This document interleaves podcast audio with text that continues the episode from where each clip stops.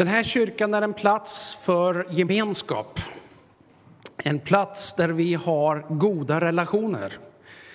Och eh, därför är det så fint när vi får mötas, vi som känner varandra, men också människor som kanske aldrig har varit här förut. Det är faktiskt så att nästan varje söndag så har vi nya människor som inte har varit här förut eller brukar gå i vår kyrka och vi är så jätteglada för det.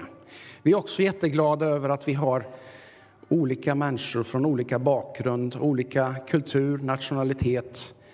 Vi är en församling, en gemenskap där vi vill vara många av olika slag.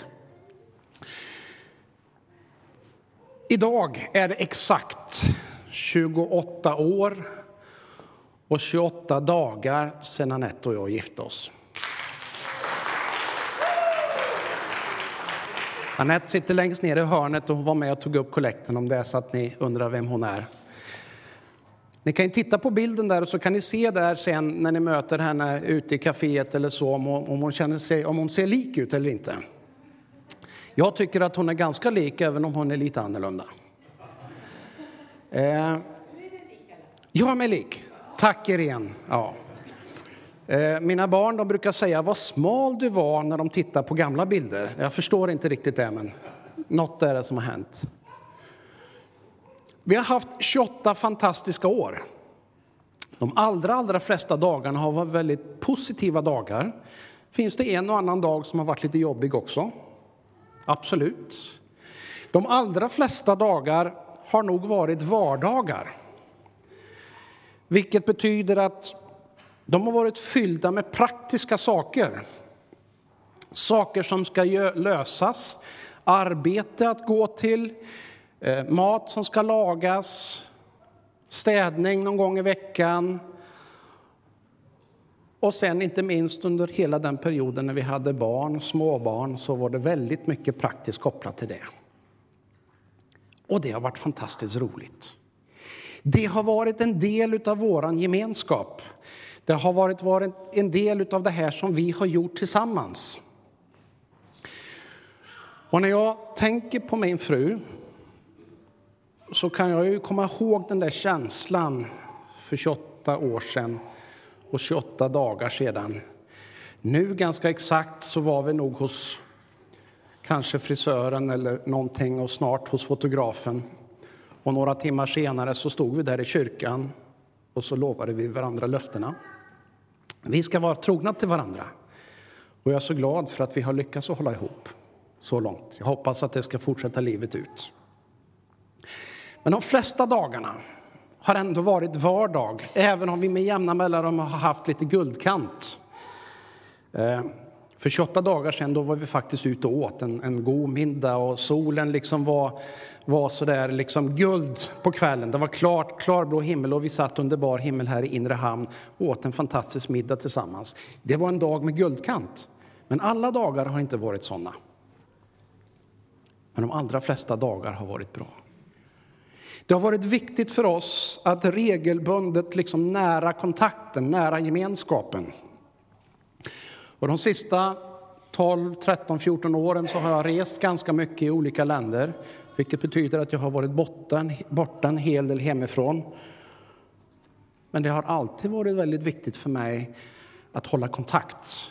Och det har skett genom telefon, eller genom sms eller e-mail. Eller på olika sätt så har vi försökt i stort sett varje dag hålla kontakt, även om jag har varit på andra sidan jordklotet. En fantastisk upplevelse. Som jag tycker en fantastisk relation. Inte perfekt. Vi har haft våra utmaningar, men ändå en härlig relation. I vardagen, men emellanåt med guldkant. Och vart tar det här oss idag? Jo, vi är i Karlstad just nu. Och eh, jag hoppas att du har fötterna bra ner på golvet nu. Om inte annat förut när du stod så hade du fötterna ner på jorden. Och när du går ut i kyrkan så kommer du ha fötterna på jorden. Jag tror att vi har haft fötterna på jorden i vår relation, så där liksom mitt i vardagen. Och ändå mitt i vardagen så har vi liksom fått nära den här relationen, glädjas åt de här små sakerna. Glädjas åt, åt liksom det jobbiga och kunna skratta med det jobbiga emellanåt. Och väldigt, väldigt mycket har vi kunnat dela i livet. Med fötterna på jorden och ändå nära Gud. Det liksom är rubriken eller temat för den här gudstjänsten eller predikan idag. Många av er känner nog igen den här statyn här som finns mitt i Karlstad. Kanske är det någon som inte har sett eller vet vem det där är. Då ska jag berätta. Det här är Eva-Lisa Holst. Hon levde för ungefär 200 år sedan. Och eh, hon står staty och har också varit med och liksom gett Karlstad sin symbol, solen, som faktiskt är ett av de absolut mest kända varumärkena för en kommun i Sverige. Pratar man om Sola i Karlstad så vet de allra flesta människor vad det är. Och vad är det för någonting som har gjort Eva-Lisa, eller Sola i Karlstad som hon kallades, så känd? Jo, hon var fylld utav glädje, och hon hade berättelserna om sig där hon jobbade som servitris att hon alltid var så vänlig mot människorna.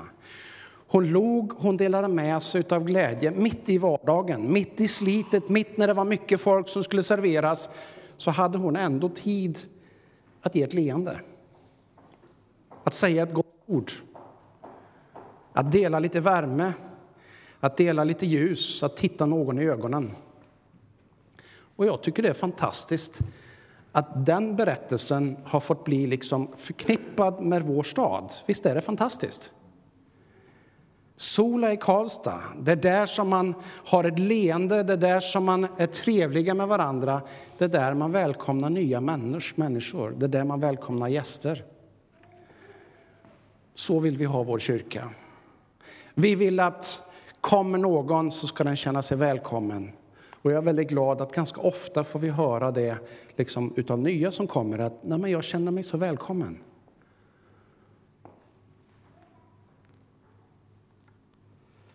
Nu ska jag läsa en bibeltext, eller ett par. Och den första bibeltexten läser vi ifrån Jakobs brev. Det fjärde kapitlet och den åttonde versen. Det står så här. Närma er Gud och han ska närma sig er. Närma er Gud och han ska närma sig er. Inte en Gud som är långt borta, som kanske en gång fanns med när jorden skapades utan en Gud som ser dig, har lite koll på dig och om du närmar dig honom, ja, men då är han beredd att närma sig dig. Närma dig Gud. Närma er Gud och han ska närma sig er. Låt mig berätta en, en liten kort berättelse. Jag ska läsa ett bibelställe till, men låt mig berätta en kort berättelse. Vi har en måg som är gift med vår Rebecka. Josef heter han. Och Josef träffade vi igår. Josef han har en syster som heter Miriam. Och för ungefär två år sedan, lite drygt, så fick Miriam fel på sina ögon. Hon fick någonting som man fortfarande inte vet vad det är för någonting. Men det betydde i alla fall att hon såg väldigt, väldigt lite efter det. Kanske 10 procent utav vad hon har sett förut. Och det där var en rejäl utmaning för henne. Hon hade gymnasiet som hon skulle göra färdigt. Hon såg inte. Hon spelade amerikansk fotboll och älskar att sporta. Och hon såg inte. Och in och ut på sjukhus och olika undersökningar och olika kontroller. Och egentligen ingenting har verkat hjälpa. Ingen medicin har verkat haft någon större påverkan. Gått lite upp och lite ner. Många har bett för henne. Jag vet flera här inne i den här lokalen just nu har varit med och bett för Miriam. Och någonstans har hon fått kraft att orka. Hon har skrivit en bok. Det gjorde hon så lite hon såg. Så blev hon peppad och inspirerad och så skrev hon en bok som slutarbete på sitt gymnasium. Och så har hon varit runt i skolor och berättat hur tron på Gud faktiskt, den här omsorgen och värmen har hjälpt henne trots att hon inte har fått sin syn tillbaka. Men så för några veckor sedan var hon med på ett läger och hon var ledare på lägret. Och så hade man en, en, en, ett tillfälle när man hade olika stationer där man skulle be och man bad för olika saker. Så var det med en kvinna där som hette Anita. Och Anita hon kände så där väldigt påtagligt, jag ska be för Miriam. Och så bad hon för Miriam. Och det som hade hänt dagen tidigare under dagen var att Miriam vet ni, hon såg ljus, mörker, men egentligen inte färger. Så när eh, hon skulle köpa ett eh, en grönt mjölkpaket så kunde det lika gärna bli ett rött mjölkpaket. Därför att det var ingen skillnad. Och någonstans så längtade hon efter, tänk om jag kunde få se färger. Och så bad Anita vid det här tillfället, Gud låt Miriam få se färger, låt henne få se färgerna igen. Och där stod Mirja med blundade ögon och lyssnade och tog emot den här förbönen. Och när Anita har bett färdigt, då öppnar Miriam ögonen och så ser hon något, ser hon ränder, hon ser någonting som är en annan färg hon vet inte riktigt, stämmer det här? Är det här riktigt?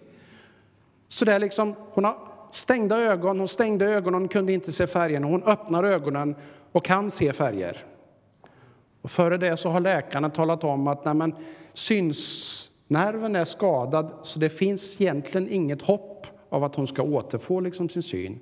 Men i ett nu, i samband med bön, så får hon börja se färger. Och hon vart lite så här chockad och fundersam. Ja, men jag måste kolla det här.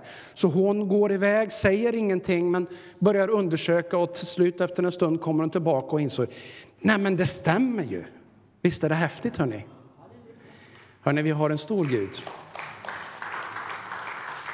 Mitt i vardagen, mitt också i en jobbig situation, mitt när man står med fötterna på jorden, där finns Gud och kan faktiskt svara på din bön. Låt mig läsa ett bibelställe till. Psalm 1, vers 1 till och med 3. Lycklig den som inte följer det gudlösa, inte går syndares väg eller sitter bland hädare utan har sin lust i Herrens lag och läser den dag och natt. Han är som ett träd planterat nära vatten. Det bär alltid sin frukt i rätt tid. Aldrig vissnar bladen. Allt vad han gör går väl. Lycklig den som har sin lust i Herrens lag och läser den dag och natt. Om man går tillbaka och gräver lite grann i de här liksom orden, språket som användes när de här orden formulerades första gången av salmisten så är det inte exakt den betydelsen som vi kan tro eller fånga när vi läser den svenska varianten. När det står Herrens lag betyder det inte lag i någon juridisk mening som vi nog kanske tänker.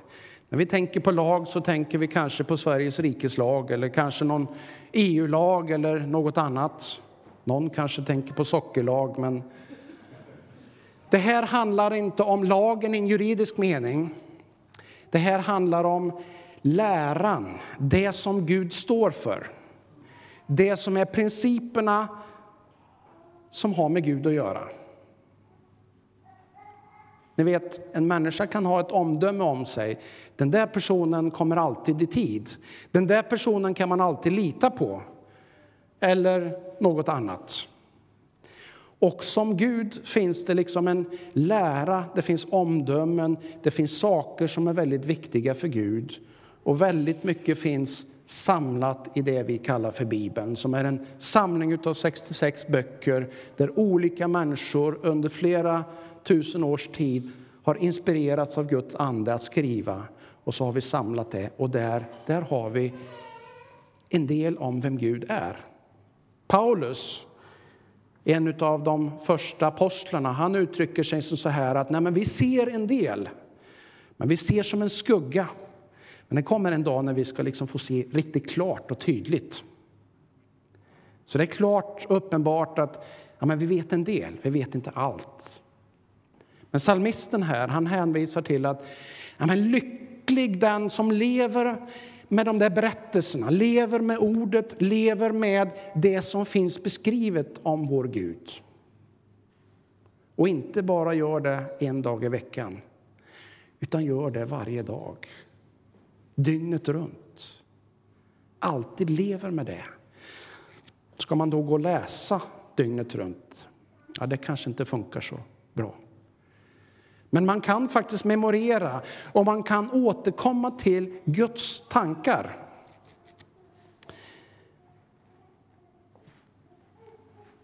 Sök Guds närhet och umgås med Gud. Umgås med den han är. Dela det som hör till Gud.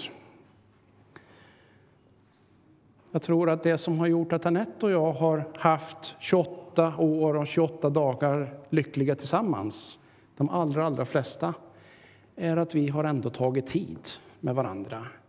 Vi har umgåtts med varandra. Och jag vet att när jag är borta, därför att jag har ett uppdrag någonstans, då är det ett pris min fru måste betala. Och jag med, men kanske ännu mer för henne, därför att hon och jag är ifrån varandra den här tiden. Varför? Jo, därför att i vår relation är det viktigt att umgås. Det är viktigt att ha kontakt. Det är viktigt att bara vara. Och det är viktigt att prata. Ibland stora saker. Men de allra flesta dagar så är det ganska jordnära saker. Ganska här och nu. Men det är ändå viktigt. Ni vet, en relation, den är normalt som mänskliga varelser så är relationer mellan personer. Eh, man kan kanske möjligen prata om en relation till ett dött objekt, men det blir något helt annat. En relation är framför allt som människor människa och människa, varelse, varelse till varandra. Och då har jag funderat lite grann på det här med relationer. Och jag har funderat på vår relation. Då. Och så har jag konstaterat att det är klart att utseendet hade en viss betydelse. Vilken klädsel Annette hade en viss betydelse för, för liksom hur jag såg henne och hur jag liksom fastnade för henne. Eh, hennes sätt att vara, hennes hår, Ja, det är nästan samma färg nu som det var för, för, för eh, 28-30 år sedan. Det är klart att det hade en viss betydelse. Men jag har ju kommit att inse att det som egentligen betyder någonting, vet ni vad det är? Ja, det som är viktigast är ju hjärta till hjärta.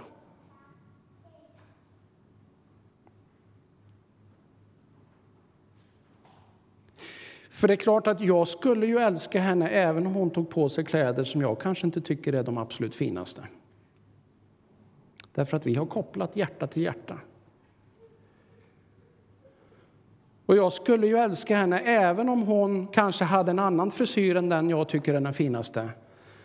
Därför att vi har ju kopplat hjärta till hjärta.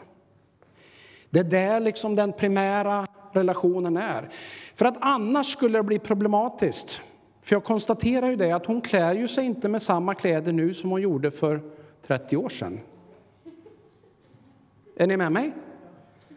Alltså hon har andra kläder, hon har delvis bytt klädstil. Kanske finns vissa återkommande drag, men det är inte exakt samma person som jag är gift med idag som jag gifte mig med för 28 år sedan och 28 dagar sedan. Det har hänt en del sedan dess. Och då tänker jag så här att tänk om jag nu skulle liksom hålla fast med att vår relation bygger helt och hållet på hur hon var klädd, hur hon betedde sig, vilken frisyr hon hade och så vidare då för 28 år sedan och 28 dagar. Om jag skulle vara fast där, då skulle det bli ganska knepigt.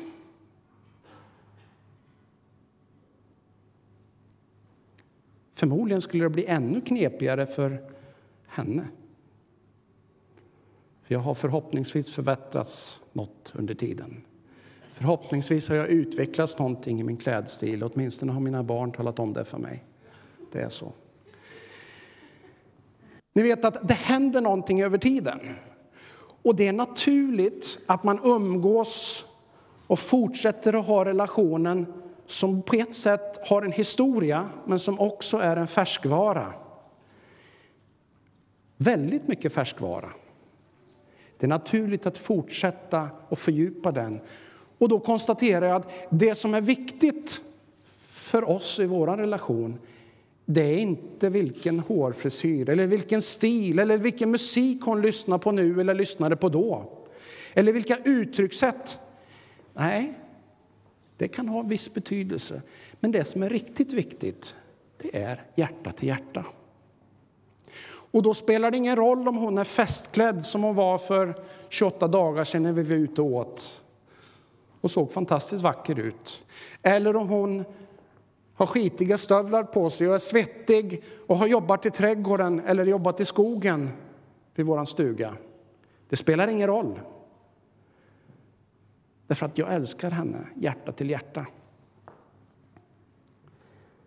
Vet du, när det gäller Gud så är det egentligen på samma sätt. Min relation till Gud den har en lång historia. Framförallt har den mycket längre än vad jag har levt. Därför att Gud hade en tanke långt innan jag fanns. Gud hade en tanke långt innan du fanns. Den har en lång historia.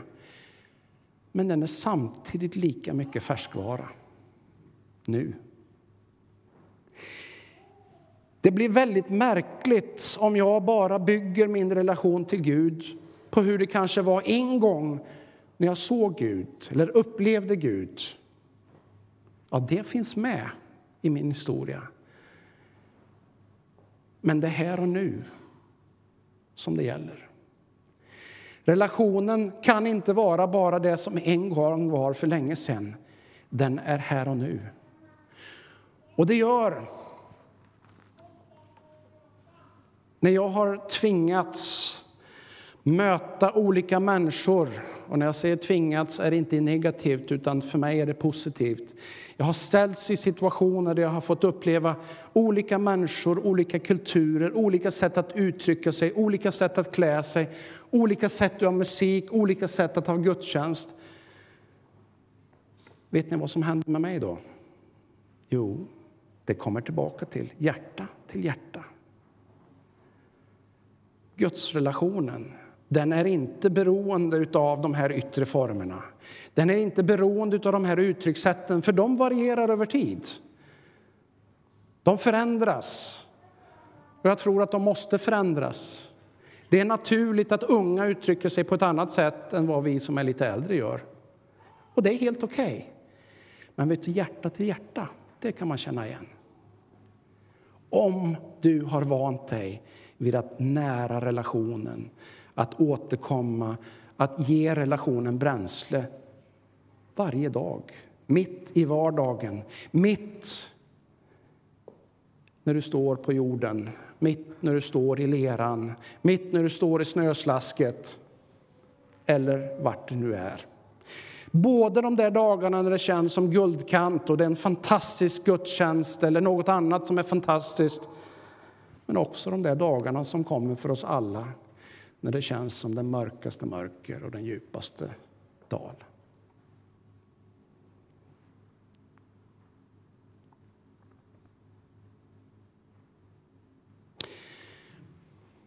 Hur umgås man med Gud? Hur har man gemenskap med Gud? Ja, hur har du gemenskap med den du älskar? Hur gör du? Vilket du är i en parrelation eller vilket du har en relation med dina föräldrar, syskon eller nära vänner. Hur umgås ni? Ja, man pratar, eller hur? Man möts. Man möts hemma hos varandra. Man möts på arbetsplatsen. Man möts kanske i kyrkan här idag. Efter gudstjänsten så har vi en fantastisk möjlighet att mötas i kaféet. tycker jag är jätteroligt att sitta och ta en kopp kaffe och en... Jag kan avslöja, det finns fantastiska bakelser idag. Missa inte det. Jag har sett. Jag har inte idag provsmakat, men jag har provsmakat dem tidigare så jag vet vad de går för. Missa inte dem bara. Alltså, man möts, man umgås, man dricker en kopp kaffe i alla möjliga olika situationer. Och jag tänker att gudsrelationen är på ett sätt inte så olik det. Där du är, i din situation, där kan du samtala med Gud. Där du är kan du ta upp din bibel eller din telefon, som många har Bibeln i numera. Och så kan du läsa ett ord. Så kan du umgås med det där som beskriver vem Gud är. Du kan be en bön. Och ibland händer det där så väldigt påtagligt som Miriam fick uppleva här för ett par veckor sedan att man ber en bön och blundar och allt verkar grått. Och när man öppnar ögonen så har allt fått färg. Ibland händer det där sådär. Och ibland så tar det längre tid. Men jag har märkt en sak på våra relationer att ju mer vi umgås eller gör saker tillsammans så någonting händer med mig i alla fall. Jag tror att jag ser att det händer med Anette också. Alltså när vi umgås, då påverkas jag av det. På något vis så blir det viktigare att göra det som jag kanske själv inte tycker är så jätteviktigt men som jag vet att hon tycker är viktigt. Någonstans så känns det, här, men jag vill uttrycka, jag vill göra det som jag tror hon uppfattar som en kärlekshandling. Och Så påverkas du av det. Och jag tror att det är ömsesidigt. Vet du, när du umgås med Gud, då påverkas du. Men du påverkar också Gud i den bemärkelsen av att han, du gör det möjligt för honom att vara med dig mitt i din vardag. Glädjefull, ljus eller bekymmersam.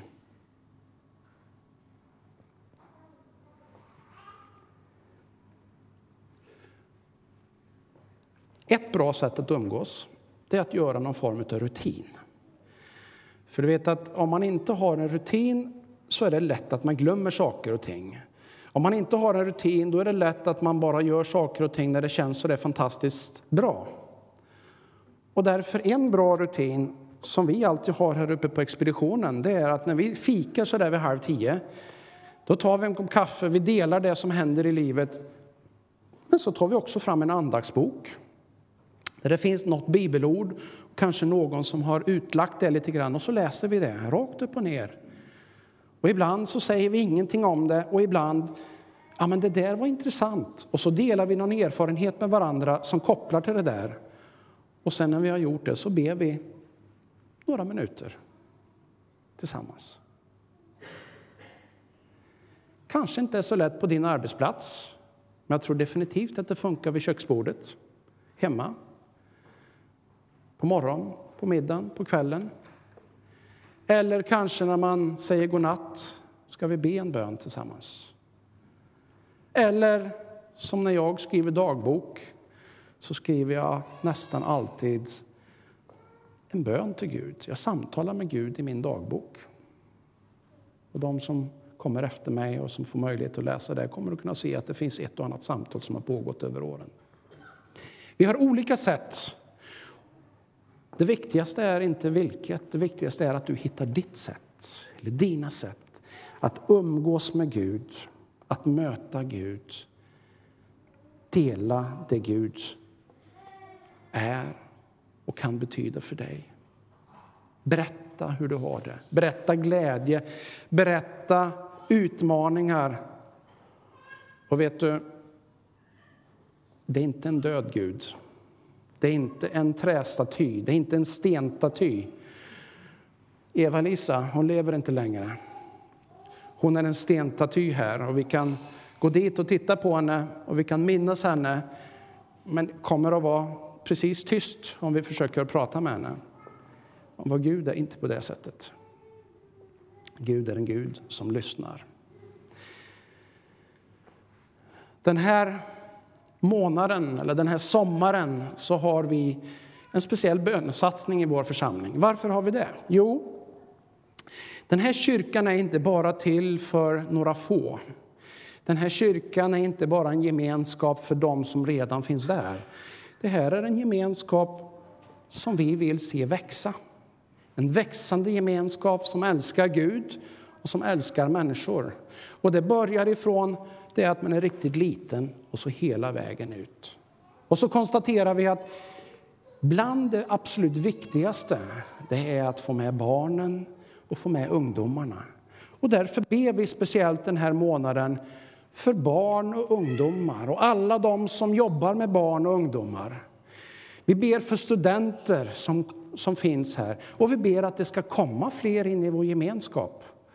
Är du någon av dem så kanske du är ett bönesvar som har kommit hit. Kanske är det så här att även om inte du visste det så är det faktiskt så att Gud har varit med och påverkat dig och lett dig hit. Därför att du har en speciell roll i den här gemenskapen. Och så ber vi för barnfamiljerna. Vi ber för att ungdomarna ska få gemenskap. Och den här sommaren så har vi haft två veckor när vi har fått betjäna barn i Karlstad som inte alltid har det så lätt. På kollo. Fantastiskt. Också i år fick jag möjlighet att vara där lite grann och få möta de här härliga killarna och tjejerna. Vi ber för dem. Varför? Jo, därför att vi är en församling, vi är en gemenskap som vill välsigna vår stad. Välsigna vår stad med det bästa som finns. Både varma leenden, som Eva-Lisa Holst, Sola i Karlstad. Både med den värmen, men också med Guds välsignelse. Både med ett gott läger, god gemenskap, härliga bad, och att åka båt för våra kollobarn men vi ber också för dem att de ska finna den Gud som vill dem så väl. Vi ska ha en stund efter predikan här i slutet där vi ska be också för våra barn och ungdomar och våra ledare. Och kanske är det så här att Gud talar till dig på något vis att du ska uppmuntra någon som jobbar med barn och ungdomar. Eller du ska uppmuntra någon av barnen eller någon av ungdomarna. Eller kanske Gud talar till dig över att ja, men du borde nog vara med och göra någonting, vilket du är gammal eller ung. Då finns det möjlighet att liksom lyssna in Guds röst.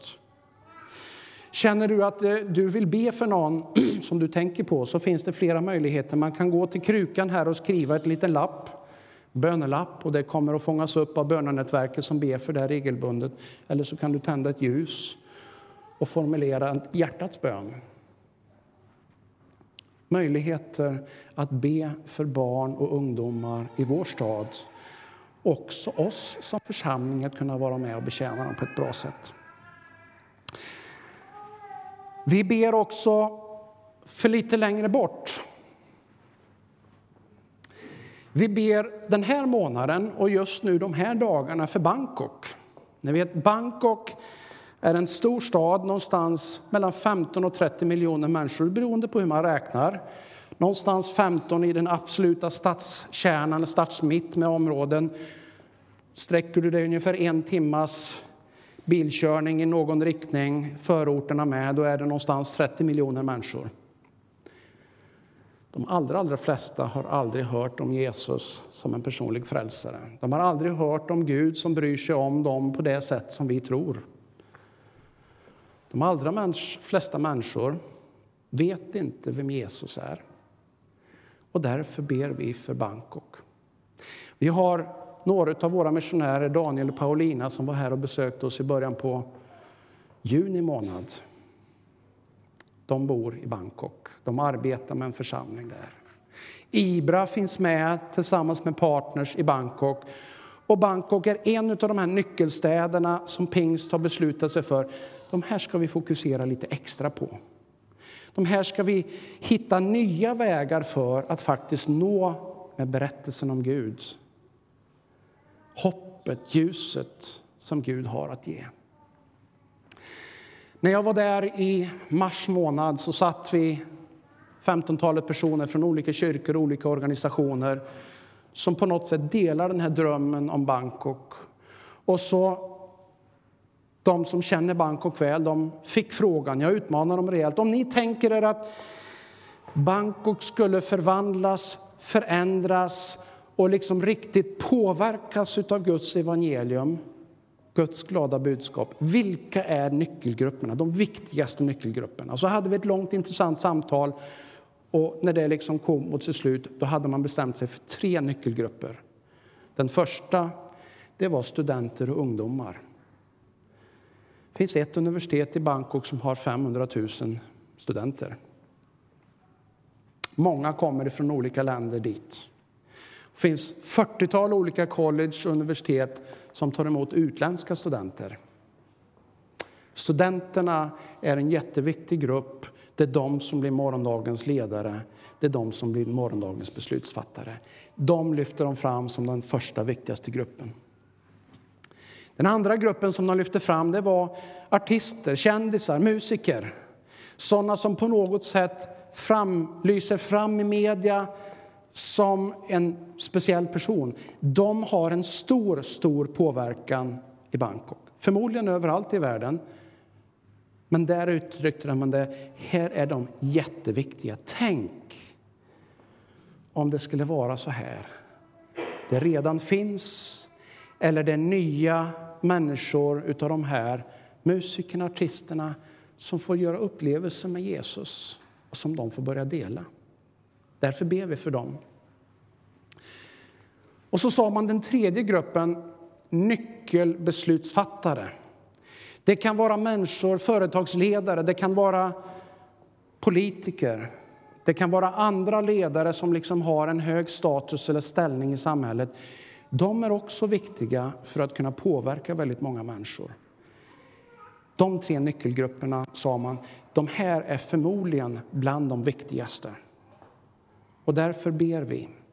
Den här månaden, samtidigt som våra muslimska vänner har ramadan och ber och fastar och inte äter eller dricker hela dagen, då har vi beslutat att vi vill be för de här nyckelstäderna. Dar es Salaam började vi med, Bangkok fortsätter vi med och här på lördag nästa vecka så kommer vi att ta tio dagar till med Kairo, den tredje nyckelstaden.